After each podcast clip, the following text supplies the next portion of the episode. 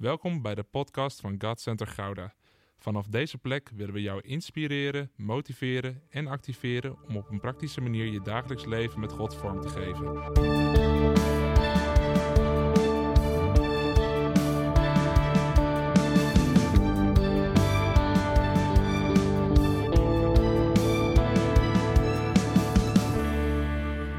Ik denk dat we er klaar voor zijn. Zijn we er nog klaar voor trouwens? Ja? Zijn we nog hongerig naar Gods woord? Ja? Ja, ja, ja. Dat ik hem snel zeggen, want anders ja! En oh, oh, wacht even. Ik ben gewoon hongerig, man. Eh, wat is deze? Ja. hey, ehm, ik, eh, ik, ik moest hier aan denken. En dat is namelijk eh, dat soms heb je van die feestjes. En, en die feestjes, dan ga je, die ga je voorbereiden. Weet je wel, dat is niet zo van, er komt even iemand op de koffie, maar dan eh, blokjes kaas, weet je wel. Ja? En eh, die, die, die, kip eh, die kipballetjes, die zo lekker even, even in de magnetron, even zo. En, en, en je begint dan zo je tafel alvast klaar te maken. En dit is mijn persoonlijke favoriet. Oh. Dit had ik niet moeten doen, want hier gaat Albert een gifje van maken. Dat is jammer. Maar, maar weet je wel, en, je zet de dingen op tafel. Goede verjaardag, heeft natuurlijk ook nog chips. En weet je, er is iemand jarig, dus even lekker wat drinken. Zo. En, en je- je, maakt alles klaar. En ja, wat is een verjaardag zonder dit? Je hebt ook zo'n lekkere taart. Toch? To- Ja, ja, want het is feest. Er is iemand jarig. Er is iemand jarig en, en dat willen we vieren met elkaar. En, en, en toch, je kan dit allemaal zo klaarzetten. Ik merk dat ik wat focus verlies. Morgenavond rond een uur of 10, 11, 12, dan kan het weer jongens. Maar je zet alles klaar en, en je maakt het gezellig. Je hangt waarschijnlijk ook nog wat slingers op, want er is iemand jarig. En toch is het nog niet helemaal feest. De gasten komen op een gegeven moment binnen en die, die komen en je groet ze. En toch kan het nog steeds niet helemaal feest zijn. Waarom? Er wordt nog geen verjaardag gevierd als de jarige er nog niet is. Je kan alles helemaal mooi klaarzetten. En je, je kan er helemaal voor gaan. En je kan mensen ontvangen. Je bent zelf niet jarig. Maar de jarige is er nog niet. En dan kun je gewoon geen verjaardag vieren. Dan kan het wel een leuk feestje zijn, maar nooit een verjaardag. Jullie denken, waar gaat die jongen heen? Dit is hetzelfde als met opwekking.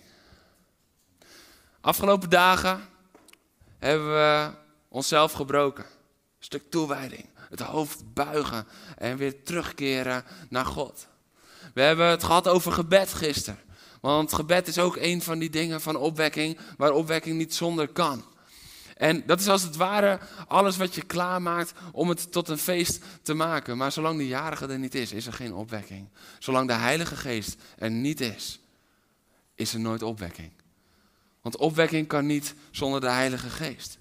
Dus, weet je, voor een verjaardag heb je een jarige nodig. Dus Erik, ik wil je even naar voren vragen. Want Erik is jarig vandaag. Halleluja! Ja! Die leven, lang zal die leven. Gefeliciteerd, man. Ja. Hyper en piep!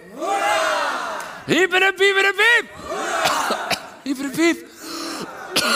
Dat was enthousiast. Dus ik dacht, kijk, nu kan het feest echt beginnen. Dus nu mogen we allemaal even ruiken aan de taart. Nee, nee, nee. nee. Ik dacht, als voorbeeld van vandaag mag je de taart wel mee naar huis nemen. Hoe vind je dat? Allemaal verschillende stukken. Want nu, nu kunnen we verjaardag vieren. Net was het nog gewoon even, oké, leuk feestje. Maar een verjaardag, daar was Erik voor nodig. De jarige is nodig voor een verjaardag. En zo is de Heilige Geest en de uitstorting van de Heilige Geest is altijd nodig voor een opwekking. Wij kunnen ons ding doen, maar Hij moet zijn ding doen. Wij kunnen de voorbereidingen treffen, maar Erik moet wel komen. Anders is het geen verjaardag. De jarige moet wel verschijnen. En daar gaan we het vanavond over hebben. Over de Heilige Geest die opwekking geeft. hey, eet smakelijk uh, morgen. Lekker man.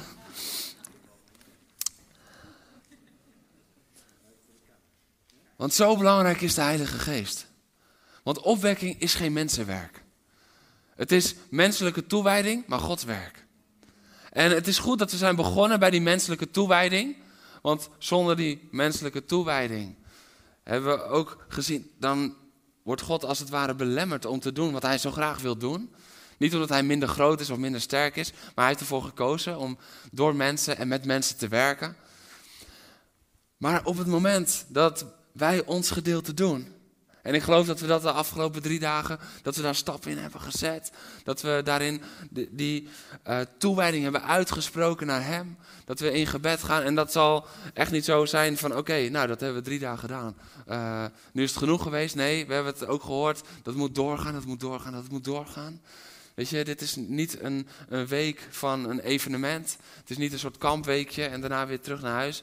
Nee, dit is een nieuwe standaard die we geloven neer te zetten met elkaar in toewijding, in gebed. Ik geloof dat de gebedsdiensten van 2023 fundamenteel anders zijn als van 2022. Waren ze in 2022 krachtig en goed? Ja, maar worden ze krachtiger en beter in 2023? Ja, omdat we een nieuw level hebben bereikt met elkaar. En ik geloof dat God daar ook weer zijn vuur in gaat blazen. En dat is een wisselwerking. Maar uiteindelijk zijn we volledig afhankelijk van de Heilige Geest. Zonder Heilige Geest geen opwekking. Zonder Heilige Geest geen feestje. Dit zien we ook in Handeling 1. In Handelingen 1 zien we namelijk eigenlijk al die zaken al die we al hebben besproken. In Handelingen 1, ze zijn, we hebben het gisteren gelezen, vurig en eensgezind, gewijd aan gebed zijn ze bij elkaar. Dus ze zijn eensgezind, ze vormen een eenheid, hele belangrijk als het gaat om opwekking. We hebben gisteren zulke krachtige getuigenissen gehoord van Jordi over hoe die eenheid opwekking veroorzaakte en gebed. En tegelijkertijd zien we ook in, het, eh, in Handelingen 1 dat ze zichzelf stuk slaan als het ware. Zij wisten niet wanneer de Heilige Geest ging komen. Daar hebben we het gisteren ook over gehad. En ze waren bereid om zichzelf stuk te slaan. En ze hadden ook toewijding. Want ze gaven zich aan gebed, eensgezind vurig, maar ze waren ook gehoorzaam. Want volgens de psalmen zou er een opvolger van Judas aangewezen moeten worden. Maar ik kan me best voorstellen dat als Jezus net op de wolk is opgenomen, dat het niet het eerste is wat je denkt van oké, nu moeten we gelijk terugdenken aan de psalmen en nu moeten we gelijk een opvolger aanstellen. Want ik kan me ook voorstellen dat ze dachten van nou, eerst maar zien wat er gebeurt en dan zullen we daar wel naar handelen. Maar zo deden ze niet. Zo deden ze niet. Ze hadden besloten, oké, we moeten dat doen, want we moeten dat doen voordat de Heilige Geest komt. We moeten ons klaarmaken voor wat komt. We moeten niet meegaan in wat er gaat komen. Dat is een groot, groot, groot verschil. En daarop komt dan de Heilige Geest. Hoe krachtig handelingen één ook is, er is nog geen opwekking. Hoe krachtig handelingen één ook is, de kerk is nog niet geboren. Wij zouden zeggen van nou ja, vurig en eensgezind, wijden zich aan gebed. Ze hebben leiders, want ze stellen ook weer die twaalfde aan. Dat klinkt als een kerk. Maar er was nog geen kerk in Handelingen 1. Want die zou op de Pinksterdag, Handelingen 2, zou die geboren worden. Dus zonder de Heilige Geest nooit opwekking. Denk nooit dat we het zelf kunnen forceren. We kunnen een stuk faciliteren aan een hartsgesteldheid, waardoor de Heilige Geest ruim baan krijgt met elkaar. Eensgezind, vurig, gebed, uh, onszelf toewijden. Maar we kunnen het niet zelf creëren. We kunnen niets zelf creëren. We zijn volledig afhankelijk van de komst van de Heilige Geest. En van de kracht van de Heilige Geest. Nou, het goede nieuws voor ons is, hij is al gekomen in Handelingen 2. Daarom leeft hij al in ons en is hij ook al op ons. Tegelijkertijd zien we dat bij een opwekking, als we willen dat de kerk weer opgewekt wordt, dat het ook altijd gepaard gaat met een nog diepere vorm van uitstorting van de Heilige Geest. En ik geloof dat we daar vandaag, even tellen, 1, 2, 3, 4, 5, 6, 7, 8, 9. Ik kreeg tijdens de aanbidding nog meer, dus toen ben ik maar met door gaan schrijven. Uh, 10, 11. 11 dingen die de geest doet. Ja, dat wordt een latertje. Leuk hè? Elf dingen die de geest doet. Die in een opwekking plaatsvinden, maar ook weer tot verdere opwekking leiden. Want waarom? Ik geloof in een opwekking die niet hoort te stoppen. We hebben te vaak gezien in de geschiedenis dat het zo krachtig begon, maar dat het fout eindigde of, of in slaap sudderde of gewoon nou, afkabbelde. Maar wat we zien in handelingen is dat dwars door alle omstandigheden heen, dat de kracht van de geest blijft en dat er een cultuur van opwekking was gebouwd. Daar gaan we het morgen over hebben.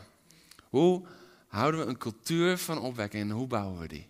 Hoe gaan we hem bouwen en daarna hoe gaan we hem dan zo houden?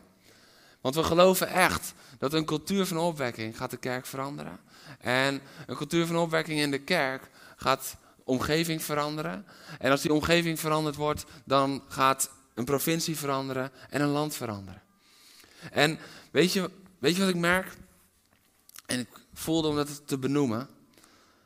Wat ik merk is dat als we deze woorden gebruiken, zeker als we het over een land gaan hebben, dat vele christenen, en ook hier dat aantal van ons, denken van ja, prachtig, maar laten we nou eerst maar eens beginnen bij de kerk.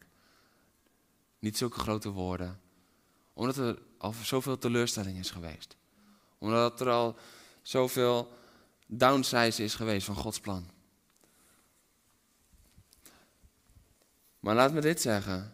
Als de Heilige Geest valt op de manier zoals Hij het bedenkt, dan is niets te groot en niets te klein. Helemaal niets.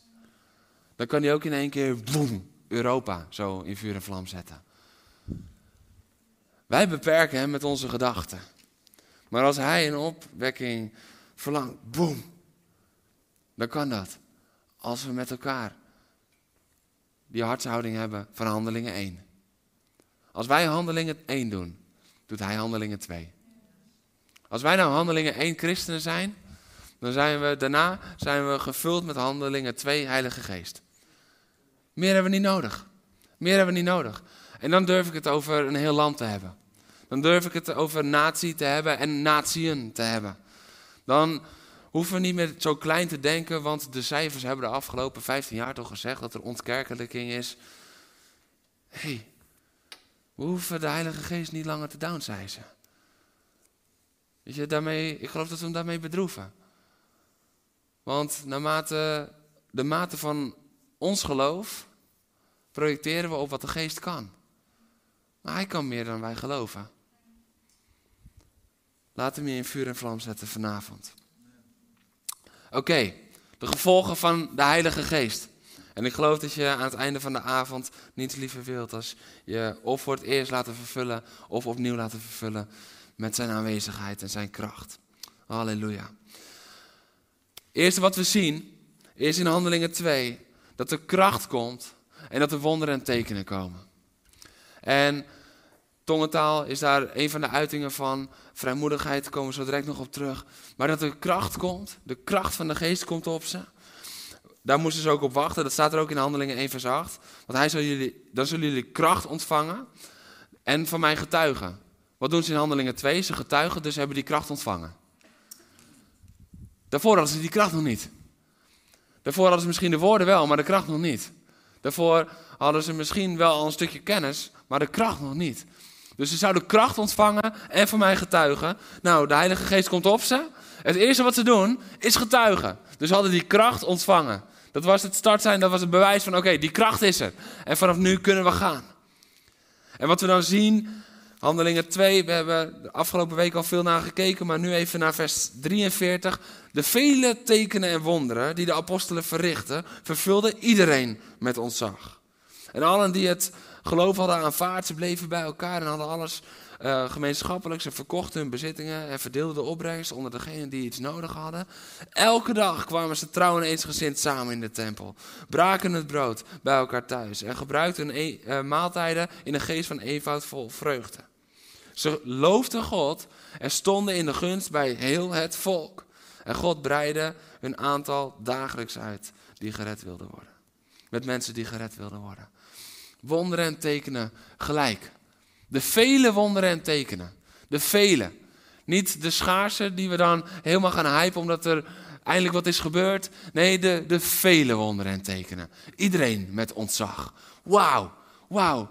Overal wonderen en tekenen. Waarom? Omdat ze getuigden. Want wonderen en tekenen zijn er om de kracht van het evangelie bij te zetten. Om de prediking van het evangelie kracht bij te zetten. Daar zijn wonderen en tekenen voor gegeven. En de vele wonderen en tekenen die de apostelen verrichten, vervulden iedereen met ontzag. Ik geloof dat waar opwekking uitbreekt, dat wonderen en tekenen zullen vermenigvuldigen en dat de kracht zal toenemen. Tegelijkertijd is die Heilige Geest nu ook al op ons. Dat moet je iedere keer bedenken.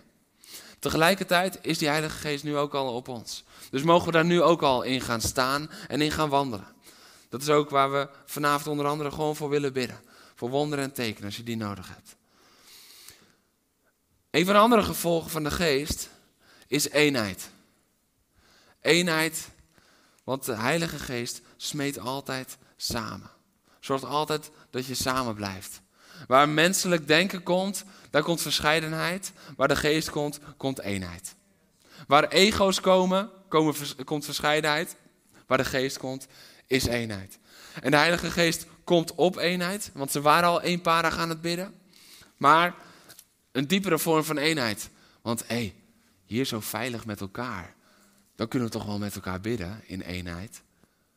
Maar wat als ik je zeg, hé, hey, volgende week donderdag, dan gaan we naar het uh, marktplein. Dan gaan we naar de markt. En dan gaan we gewoon old school op een sinaasappelkratje, gaan we het evangelie verkondigen. Wat dan? Zijn we dan nog net zo enthousiast? En gaan we dan nog net zo in eenheid? Want dit is wat er gebeurde. Een aantal dagen eerder was Petrus de enige die Jezus volgde. De rest was al lang afgehaakt. Hij zou hem uiteindelijk verlogenen. Maar hij was wel in ieder geval de enige die volgde. Echt hoor. Iedereen heeft altijd zoiets van: Oh, Petrus, Petrus. Bij mij had hij al bonuspunten gescoord. Uiteindelijk ging het niet helemaal lekker. Maar hij was er in ieder geval bij. Hij had de kans om Jezus te verlogenen. De rest had hem al verraden door gewoon niet te komen. Dus daar was Petrus alleen. Maar wat gebeurt er nu? Handelingen 2. Daarop trad Petrus naar voren samen met de elf andere apostelen. Samen met de anderen. Er was een eenheid. Het was niet meer zo van: oké, Petrus, oh, je gaat nu echt het woord verkondigen van wat we binnen hebben ervaren. Binnen, veilig, fijn. Weet je, gesloten deuren, gesloten muren, gesloten ramen. Lekker, fijn, veilig. Nee, maar nu in de openbaarheid.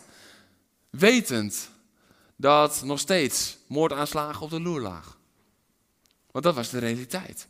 Jezus was net gekruist, hij was weer opgestaan, maar hey, die fariseeërs waren niet opeens nu wel blij met Jezus. En dan helemaal niet met zijn volgelingen. In één keer die vrijmoedigheid. En het is niet Petrus en dat uh, die anderen denken, nou, hey, doe jij het woord? Ik kijk vanaf het balkon mee.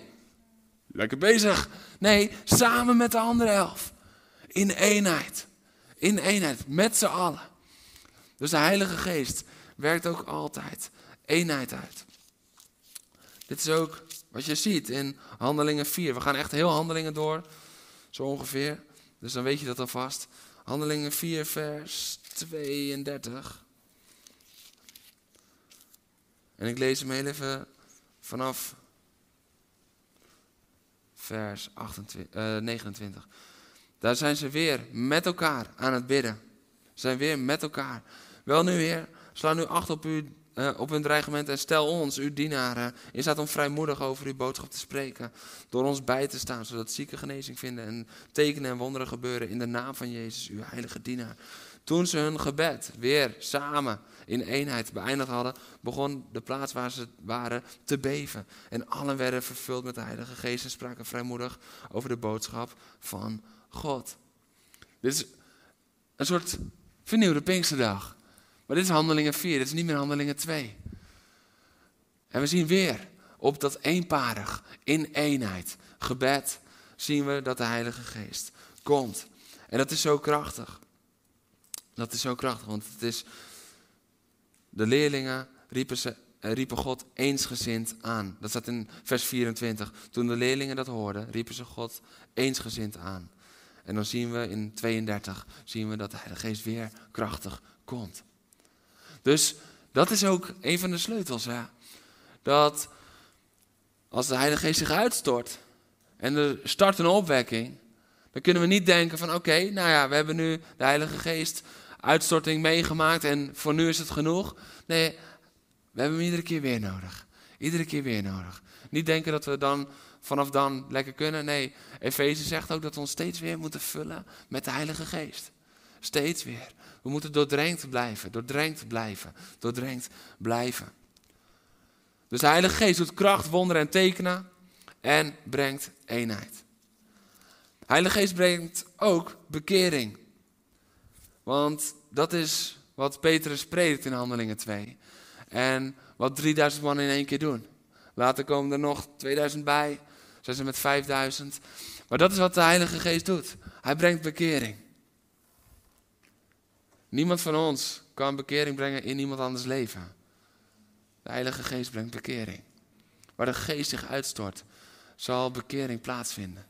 Waar de Geest zich uitstort en wij dus met vrijmoedigheid gaan, met het hele verhaal gaan, met het volle evangelie gaan, daar zal bekering plaatsvinden. Daar zullen mensen zullen een hart geven aan de Heer, maar niet alleen van oké, Heer, hier heeft u mijn hart, maar ook hier heeft u mijn hart en ik bekeer me van mijn oude levenswandel. Dat was de boodschap van Petrus. Dat was de boodschap waar ook mensen op afhaakten. We hebben het vorige keer al even gehad. Van ben je diep getroffen of heb je het woord aanvaard? Maar waar de Heilige Geest komt, aanvaarden mensen ook de boodschap van bekering. Niet alleen de boodschap van liefde, maar ook de boodschap van bekering. Want God is bekering en liefde. Hij is het allebei. En niet zo bekering zodat je goed genoeg wordt voor zijn aanwezigheid. Nee, maar bekering om je af te wenden van je oude levenswandel. En vanuit een vernieuwde identiteit mag gaan wandelen met hem. Dat is wat er gebeurt. Wat een andere hele mooie is, is de gevolgen van de Heilige Geest. Is dat hij wijsheid geeft.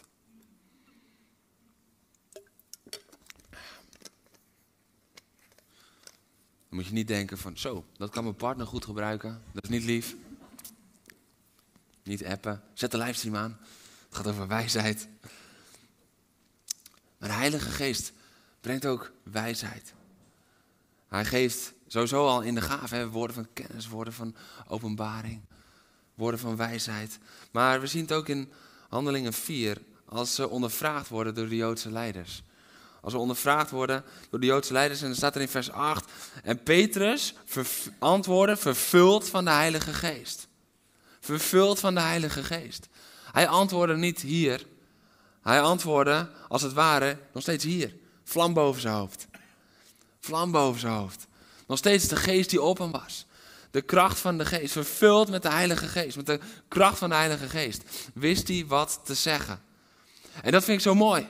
Want op het moment dat er opwekking uitbreekt, komt er ook altijd verzoeking.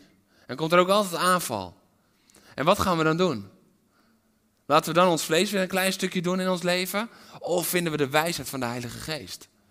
Want die houdt uiteindelijk de opwekking intact. Want als we menselijk gaan terugslaan naar de geestelijke aanvallen die we krijgen, dan wordt een opwekking zo uitgeblust. Maar als we vervuld met zijn geest woorden van wijsheid gaan spreken.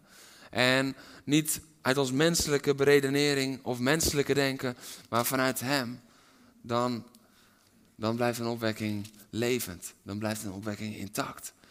Dan blijft er een cultuur van opwekking. Dit is ook mooi. In Handelingen 6. Dan staat er ook op het gegeven moment, dan is er een conflict binnen de gemeente en dan op het gegeven moment komt er ook nog een aanklacht tegen Stefanus. En dan staat er in vers 10, maar ze konden niet op tegen zijn wijsheid en tegen de Heilige Geest die hem bezielde. Oh, halleluja. Zo wil ik zijn. Dat iedereen die probeert aan te vallen, dat ze afdruipen en dat ze denken, ik kan hier niet tegenop. Ik kan hier niet tegenop. Wat een wijsheid. Oh Heer, ik verlang er zo naar dat de kerk opstaat in wijsheid. Dat, dat de aanvallen wel komen, maar dat ze ook weer afdruipen. Omdat ze denken van ja, hier is niet tegenop te liegen. Hier is niet tegen op te bedriegen. Hier is niet tegen op te intimideren. Hier is niet tegen op te aanklagen. Wat een wijsheid. Wat een wijsheid. Halleluja. Dat is wat de Heilige Geest geeft. Dat is niet wat we zelf kunnen bewerkstelligen. Het is de wijsheid. En tegen de Heilige Geest die hem bezielde. O Heilige Geest, beziel ons. Beziel ons. Helemaal. Deze vindt iedereen waarschijnlijk ook heel fijn. Uh, handelingen 5. Handelingen 5, dan komen we bij de volgende. En dat is de Heilige Geest werkt heiliging uit. Heiliging. Ananias en zijn vrouw, die hadden een stuk grond, maar ze hielden een deel van de opbrengst achter. Maar Petrus zei, Ananias, waarom heb je je door de Satan laten misleiden? Vers 3. Door de Satan laten misleiden en dan heb je de Heilige Geest bedrogen door een deel van de opbrengst van het stuk grond achter te houden. Je had het niet hoeven verkopen, maar dat heb je wel gedaan. En als je de uh, opbrengst toch. Uh, wow. En nu je het to toch wel hebt verkocht, had je met de opbrengst kunnen doen wat je wilde. Wat heeft je bezield om je zo te gedragen? Niet de mensen heb je bedrogen, maar God zelf. Bij het horen van deze woorden viel Ananias neer en stierf. Iedereen die dit ter oren kwam, schrok hevig. Ongeveer drie uur later kwam zijn vrouw binnen. Die wist nog niet wat er gebeurd was. Petrus vroeg haar: Zeg me, heb je het stuk grond voor dit bedrag verkocht? Ze antwoordde: Ja, voor dit bedrag. Daarop zei Petrus: Hoe heb je durven besluiten om de Heilige Geest te trotseren? Kijk, degenen die een man begraven hebben, staan voor de deur en ze zullen jou ook naar het graf dragen. Onmiddellijk viel ze voor zijn voeten neer en stierf. Zijn we nog enthousiast? Ja, dit is ook handelingen. Dit is ook het werk van de geest. Want de geest werkt heiliging uit. De geest werkt heiliging uit. Niet om je identiteit te versterken, maar om je wandel te heiligen. Dat is namelijk wat het woord iedere keer zegt, maar wat er hier ook gebeurt. Als er een opwekking is. En weet je, in die opwekking, dan wordt er op het gegeven moment met elkaar besloten van, we gaan alles verkopen en we doen alles in een pot, zodat we voor iedereen kunnen zorgen. En als deze vrouw gewoon eerlijk had gezegd: Nee, we hebben nog een stukje achtergehouden voor onszelf. Dan had ze de Heilige Geest niet geprobeerd te bedriegen. Maar zowel zij als haar man probeert de Heilige Geest te bedriegen, God te bedriegen. En de Heilige Geest en opwekking werken heiliging uit. Werken heiliging uit. En daar moeten we nu niet bang voor worden. We moeten niet bang zijn van, oh, oh als dat opwekking is, dan uh, sla ik even over. Maar we moeten ervoor openstaan om ons continu te laten heiligen door de Heilige Geest. En beter doen we dat nu al, zodat we geheiligd zijn en gereinigd zijn van verkeerde intenties en motivaties en noem maar op. Zodat we zo de opwekking in kunnen. Als dat er dan nog heel veel werk aan de winkel is. Maar de Heilige Geest brengt altijd opwekking, maar daarin in die opwekking altijd heiliging. En als we dit niet net zo belangrijk vinden, als de bekering en de wijsheid en de eenheid en de kracht en wonderen en tekenen zijn we nog niet klaar voor opwekking. Als we zoiets hebben van, ja, die kracht en die wonderen, ja, die eenheid, halleluja. Ja, die wijsheid, die wil ik wel. Bekering wil ik zien bij mensen. Maar als we zelf dan nog niet zoiets hebben van, oh, ik wil ook die heiliging, dan snappen we nog helemaal niet waar opwekking voor is. Die heiliging is ontzettend belangrijk in de opwekking. De volgende is vrijmoedigheid. Vrijmoedigheid. En dan wil ik met je lezen Handelingen 4, vers 17 tot en met 20. Er staat dan. En met deze gaan we staan. Ja. Ja, als jullie bij elke Bijbeltekst zouden moeten staan, dan was het een staande dienst.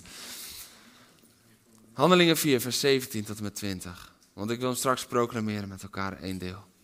Maar om te voorkomen dat dat gerucht nog verder onder het volk verspreidt, moeten we hen waarschuwen met niemand meer over Jezus te spreken en hun verbieden om zijn naam nog te gebruiken. Dit is wat de fariseeërs, dit is wat de schriftgeleerden beraamden met elkaar. Ze hadden ze gevangen genomen en ze ondervraagden hen en ze willen voorkomen dat het woord van Christus nog verder gaat. Ze riepen hen terug en bevalen hun de naam van Jezus op geen enkele manier meer te gebruiken en het volk niet meer over hem te onderrichten. Maar, maar, vrijmoedigheid. Maar, Petrus en Johannes zeiden, kunnen wij het tegenover God verantwoorden om wel naar u te luisteren en niet naar hem? Oordeelt u zelf. En ik geloof dat het goed is om dit eens met elkaar te gaan uitspreken zo direct. Want we moeten immers wel spreken over wat we gezien en gehoord hebben. We moeten het wel. Het is niet alleen dat we het willen, het is niet alleen dat we het kunnen, we moeten wel.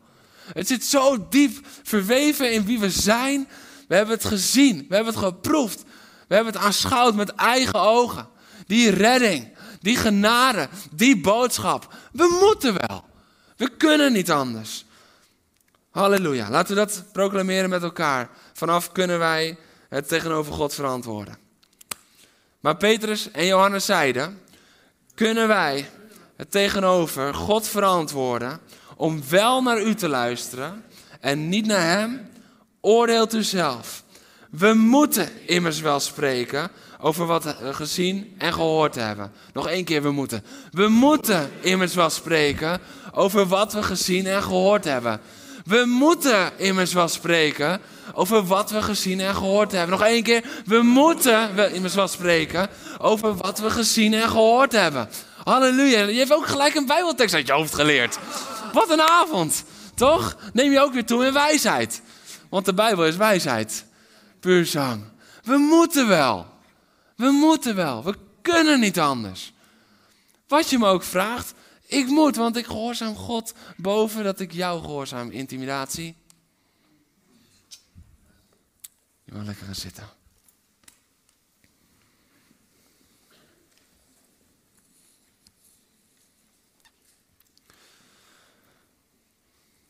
Na hen nogmaals gedreigd te hebben, dreigend hebben toegesproken, liet ze hun vrij. Dan vanaf vers 23 gaat het verder. Want Petrus en Johannes waren vrijgelaten. En ze komen dan bij de leerlingen en vertelden wat de hoge priesters en de oudsten hadden gezegd. En wat doen ze dan? Ze bidden niet, oh Heer, bescherm ons. Oh Heer, bescherm ons, wat we hebben gezien, wat ze met Jezus deden. Ze bidden niet, oh, oh, oh Heer, geef ons veiligheid. We hebben het zo nodig nu. Oh Heer, doe onze vijanden iets aan. Dat bidden ze allemaal niet. Toen de leerlingen dat hoorden, riepen ze God eensgezind aan met de woorden. Dan beginnen ze hem eerst te prijzen, eerst te prijzen. En dan zijn we terug in vers 29. Wel nu, Heer, sla ook nu acht op hun dreigementen en stel ons, uw dienaren, in staat om vrijmoedig over uw boodschap te spreken. Vrijmoedigheid. Stel ons in staat om vrijmoedig over uw boodschap te spreken. Oh, iedereen heeft maar de pik op de boodschap.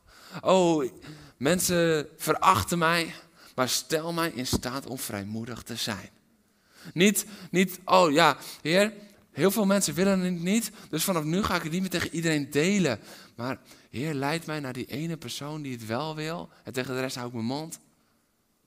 Nee, stel ons in staat om vrijmoedig te spreken. Waar de geest komt, is vrijmoedigheid. Want we hebben net vers 31 gelezen. De Heilige Geest komt weer en vervulde hun allemaal.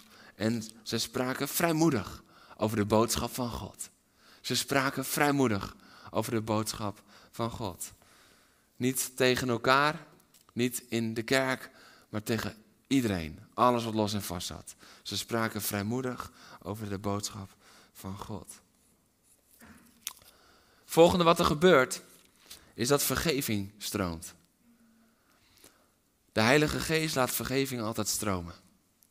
De Heilige Geest brengt een veel dieper level van vergeving. Ja, maar Jeroen, hou op hoor. Hou op. Want wat ze mij hebben aangedaan, wat mijn klasgenoten mij hebben geflikt, wat die mensen mij 30 jaar geleden hebben aangedaan. Ik heb ze wel vergeven, maar ik ben niet vergeten. Vergeet in je herinnering. Hoeft ook niet. Maar vaak als we zeggen, ik heb ze wel vergeven, maar niet vergeten. Dan zeggen we eigenlijk, maar eigenlijk? Ik heb ze wel vergeven, want dat moet van God. Maar eigenlijk?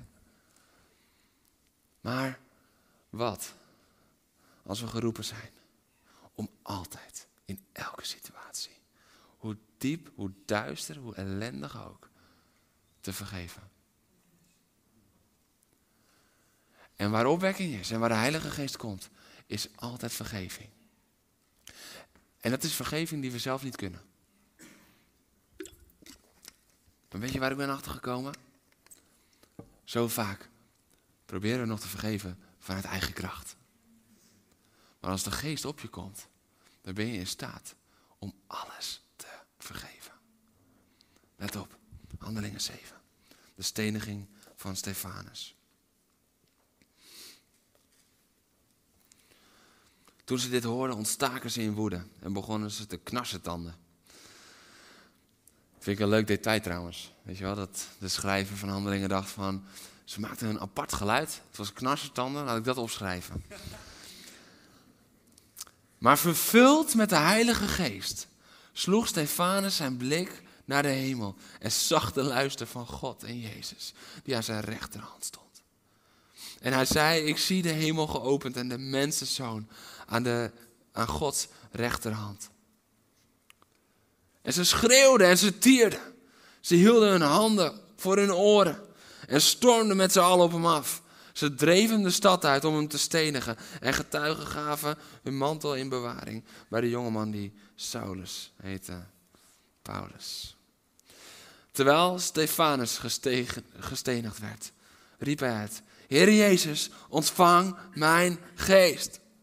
Hij viel op zijn knieën en riep luidkeels, Heer, reken hun deze zonde niet aan. En na deze woorden, dus stierf hij. Ja, maar alleen Jezus kon dat. Want hij was mens en God en hij stierf aan het kruis. En hij kon zeggen, vader vergeef ze voor wat ze doen, want ze weten niet wat ze doen. Nee, ook gewoon Stefanus. Ook gewoon een discipel van Jezus.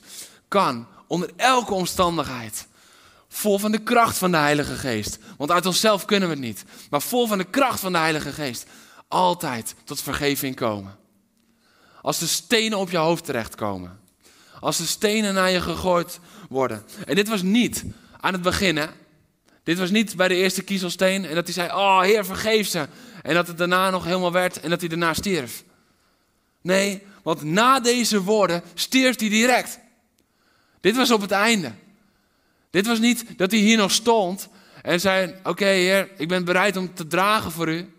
Maar om het gewoon even uit te beelden, hij lag hier al helemaal gestenigd onder een berg stenen. Hij kon niks meer. Zijn hele lichaam al gebroken voor het evangelie. En het enige wat hij wist dat hij nog moest zeggen is: Heer, rekenen hun zonde niet aan. Dit was het moment. Dit was het moment. En hij stierf.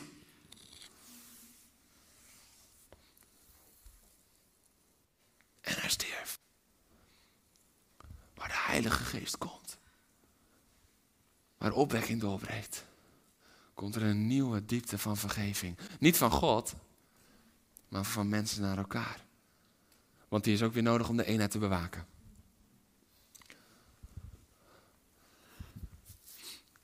Tegelijkertijd komt er ook een nieuwe diepte aan vergeving. Want als hij niet vol was van de kracht van de Heilige Geest. Had hij niet tot God gesproken om hun hun zonde niet aan te rekenen. Wij mogen pleiten bij God. Wij mogen pleiten bij God voor vergeving voor de ander. We mogen pleiten. O Heer. O Heer, ik weet wat mijn baas me aandoet momenteel. Maar reken hem zijn zonde niet aan. Is dat je gebed? Of is ons gebed, o Heer, ik mag geen verkeerde woorden gebruiken, want ik ben aan het bidden tot u. Maar als er eventueel iets overkomt, laat het niet te erg zijn, maar dan ben ik van hem af. Gewoon eerlijk met elkaar, hè? Of dat we zeggen, o Heer, bevrijd mij van hem. Stefanus, die bad niet voor zijn redding. Stefanus bad niet voor zijn redding. Hij zag de Heer. Hij zag de Heer. Ik geloof overigens dat vanaf het moment dat hij de Heer zag, dat hij niet eens, dat hij dacht van oké, laat het maar snel afgelopen zijn, want ik wil daar zijn. Dat is geen theologie, dat is gewoon een overtuiging. Dat als je dat ziet, als de hemel zich opent voor je. En, maar wat er dan gebeurt is, hij bidt niet voor redding. Had gekund. Had gekund. We hebben zoveel wonderen van redding gezien. In een van de evangelieën is het eerste wonder dat Jezus doet. Is volgens mij Lucas, zeg ik even uit mijn hoofd. Het kan ook Marcus zijn, dat zit ik fout, maar volgens mij Lucas. Het eerste wonder dat hij doet, is dat hij naar de klif wordt gedreven. Omdat ze hem willen vermoorden. Dat is het begin van zijn bediening nog maar. Hè? En hij loopt zo tussen ze weg. Dat is een wonder van redding. Hij had er zo om kunnen bidden. Hij had er zo om kunnen bidden. Maar hij deed het niet. Hij bad voor vergeving. Wauw. De Heilige Geest, waar de Heilige Geest is, stroomt vergeving. Waar de Heilige Geest komt en opwekking is, komt ook onderscheid. Onderscheidingsvermogen. Geestelijk onderscheidingsvermogen. We zien het in de Handelingen 8. Zien we dat Filippus is met zijn verkondiging van het koninkrijk van God en de naam van Christus bezig. En mensen komen tot geloof en laten zich dopen. En ook Simon aanvaarde het geloof. En na zijn doop bleef hij voortdurend bij Filippus. En hij stond versteld van de tekenen en de machtige wonderen die hij zag gebeuren. Toen de apostelen in Jeruzalem hoorden dat de inwoners in Samaria het woord van God hadden aanvaard, stuurden ze Petrus en Johannes naar hen toe. Nadat ze waren aangekomen, baden ze ook de dat ook de Samaritanen de Heilige Geest mochten ontvangen. Want deze was nog op niemand neergedaald. Ze waren alleen gedoopt in de naam van de Heer Jezus. Na het gebed legden Petrus en Johannes hun de handen op en zo ontvingen ze de Heilige Geest. We gaan straks bidden voor vervulling met de Heilige Geest. Dat is onderhandoplegging. Dat is onderhandoplegging, want daarna ze, uh, ontvingen ze de Heilige Geest. En toen Simon zag dat de mensen door handoplegging van de apostelen vervuld raakten met de Geest, bood hij Petrus en Johannes geld aan. En zei: Geef mij ook die macht, zodat iedereen wie ik de hand opleg de Heilige Geest ontvangt. Maar Petrus zei: U zult in het verderf worden gestort met u, met uw geld. Mooie uitspraak ook. U met uw geld. Omdat u denkt te kunnen kopen wat God geschonken heeft. Direct het onderscheidingsvermogen. Direct, dit is helemaal fout. Direct duidelijkheid. Heiliging werkt het ook uit. We zien het later, zien we het ook nog in Handelingen 13. In Handelingen 13, vers 8 tot en met 10. Dan staat er, maar Elimas, zoals Bar Jezus ook werd genoemd, want Elimas betekent magier, stelde zich tegen hen in het verweer en probeerde het uh, proconsul van het geloof te houden. Daarop keek Saulus hem strak aan en vervuld met de Heilige Geest, zei hij: U bent een bedrieger, een gewetenloze oplichter, een kind van de duivel en een vijand van elke vorm van gerechtigheid. Dat zijn niet de koosnaapjes die je wil ontvangen. Vervuld met de Heilige Geest zag Paulus het direct. Vervuld met de Heilige Geest komt onderscheiding. Dan weet je gelijk, bam, dit is het. Dit is het. En dit is het verschil tussen wat we vaak hebben aan onderscheidingsvermogen. Weet je, dit is waar ik, waar ik naar verlang. Dat de geest gewoon boem in één keer zegt: Dit is wat hij is, dit is wat ze is. Bam. Waarom? Omdat heel vaak hebben we nu al wel dat we ervaren geestelijk. Nou, zit niet goed of zo. En dan kunnen we afstand nemen, maar we kunnen het vaak nog niet benoemen. Maar dit is next level. En dit is wanneer er opwekking plaatsvindt, als de Heilige Geest op je is. En dan in één keer, wam, kan je het ook benoemen.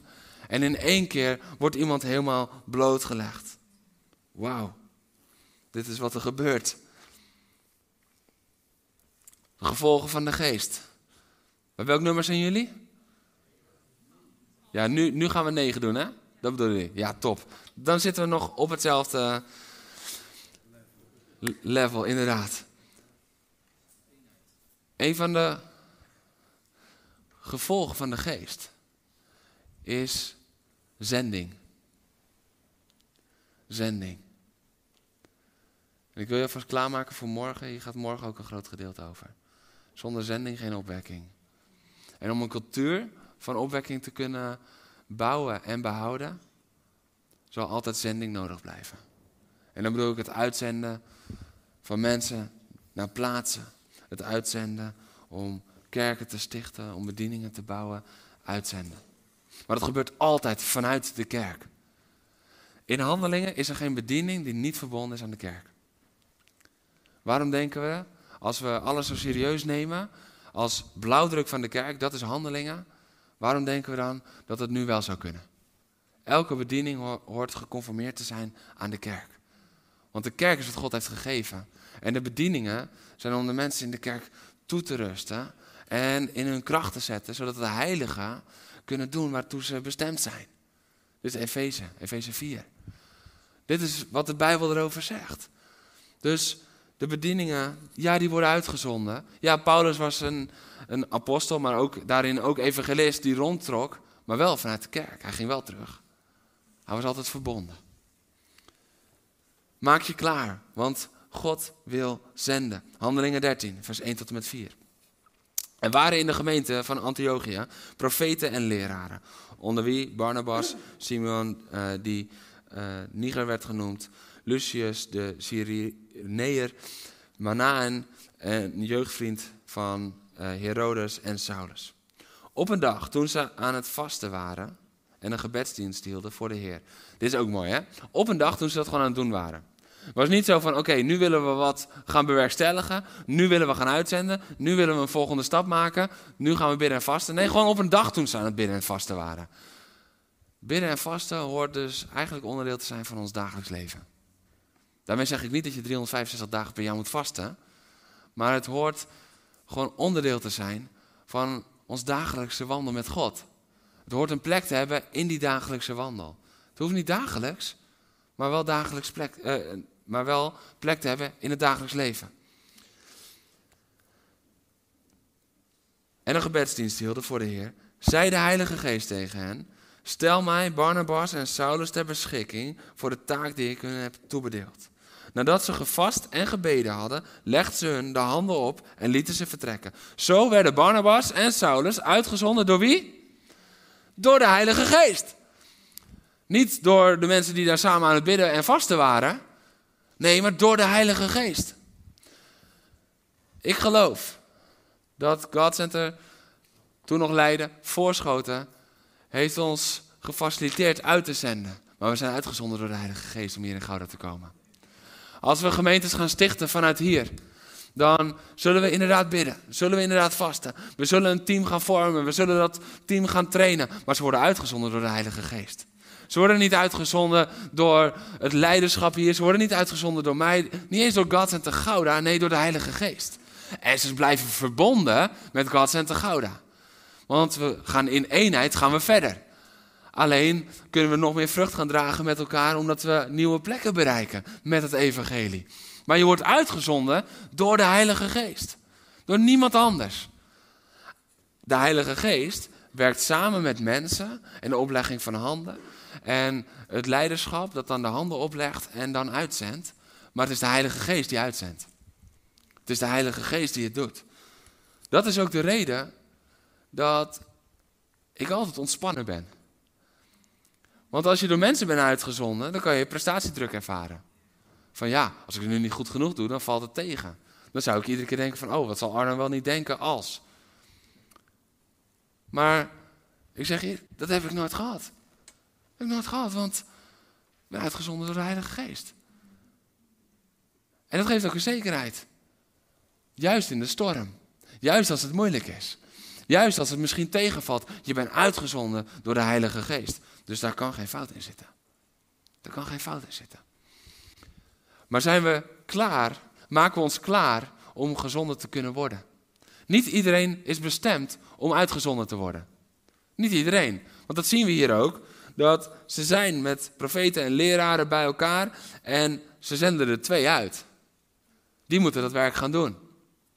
We gaan niet op een zondag hier zeggen: Oké jongens, we zijn met 400 en we gaan nu 10 kerken uitzenden, 40 man per kerk en we gaan hier dan weer opnieuw. Nee, want sommige mensen zijn bestemd om pilaren te zijn in het huis waar ze gezet zijn.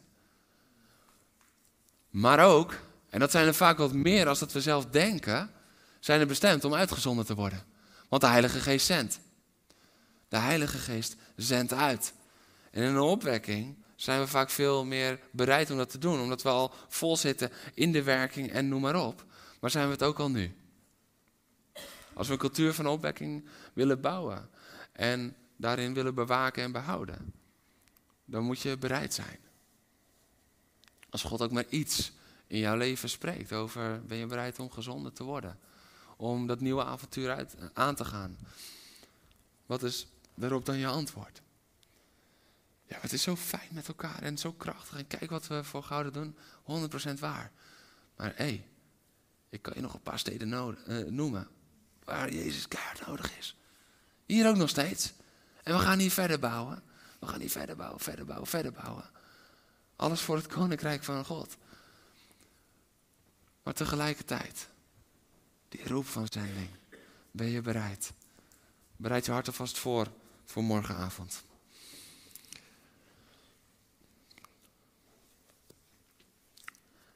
De Heilige Geest leidt en verhindert. Hij leidt en verhindert op de meest bizarre manieren. De Heilige Geest leidt ook niet altijd van glorie naar glorie naar glorie naar glorie, menselijk gezien. Want Filippus bevindt zich midden in een grote opwekking. En dan komt hij bij die Ethiopiër op een eenzame, verlaten weg. Kun je je voorstellen? Vette opwekking in de stad. De hele stad komt tot bekering en wauw, groot werk van God. En God zegt, ga naar die verlaten weg. Dan denk je toch bijna van, ik zit er nu naast. Dit kunt u niet zeggen. Maar de Heilige Geest leidt. En hij leidt anders dan we soms denken. Hij leidt en hij verhindert. We lezen in Handelingen ook een aantal keer dat Paulus verhinderd wordt om. Dat hij verhinderd wordt om ergens heen te gaan. En dat God het dus op een andere manier wilt. En deze kant in de aanbidding kwam hij.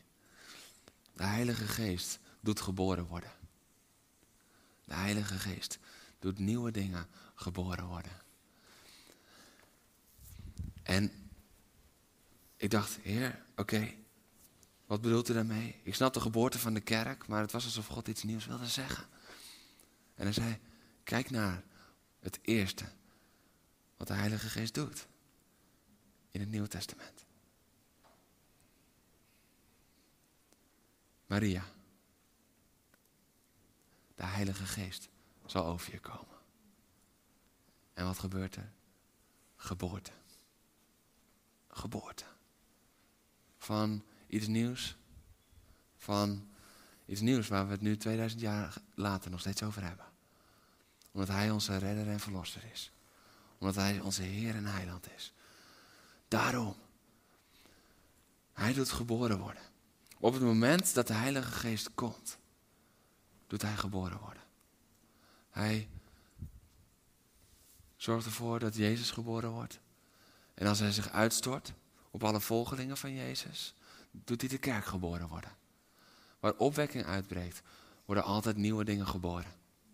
Waar opwekking uitbreekt, komen nieuwe dingen. Waar we van tevoren niet over konden denken. De discipelen konden niet bedenken hoe de Heilige Geest zou werken, hoe de kerk eruit zou gaan zien. Ze konden het niet zelf bedenken, maar Hij deed het geboren worden. Hij doet het. De Heilige Geest doet geboren worden. En daarom hebben we de doop in de geest nodig. Daarom hebben we iedere keer weer verkwikking in de geest nodig. Om in deze verzetten te kunnen wandelen. Om hierin te kunnen leven. Hem hierin te kunnen ontmoeten. En vanuit die kracht. Want pas als de kracht van de geest op je komt, zal je kunnen getuigen. Pas als de kracht van de geest op je komt. Daarom is het zo belangrijk dat we vol van de geest zijn. Iedere keer vol van de geest, vol van de geest. Efeze 5 vers 18 zegt ook dat we ons iedere keer met de geest weer moeten laten vervullen. Bedrinkt u niet aan andere dingen, maar laat u vervullen. Bedrinkt u in de Heilige Geest. Laat u vervullen. Dag in, dag uit, dag in, dag uit. Elke dag handelingen 2. Omdat we elke dag handelingen 1 leven met elkaar. Als we elke dag handelingen 1 leven met elkaar, zal elke dag handelingen 2 mogelijk worden.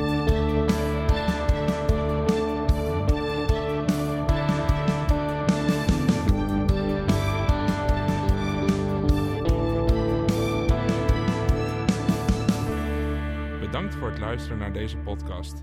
Volg ons op onze kanalen om verbonden te blijven. Heeft deze aflevering jou geraakt? Deel dan op je socials en tag ons, zodat we samen meer mensen kunnen bereiken.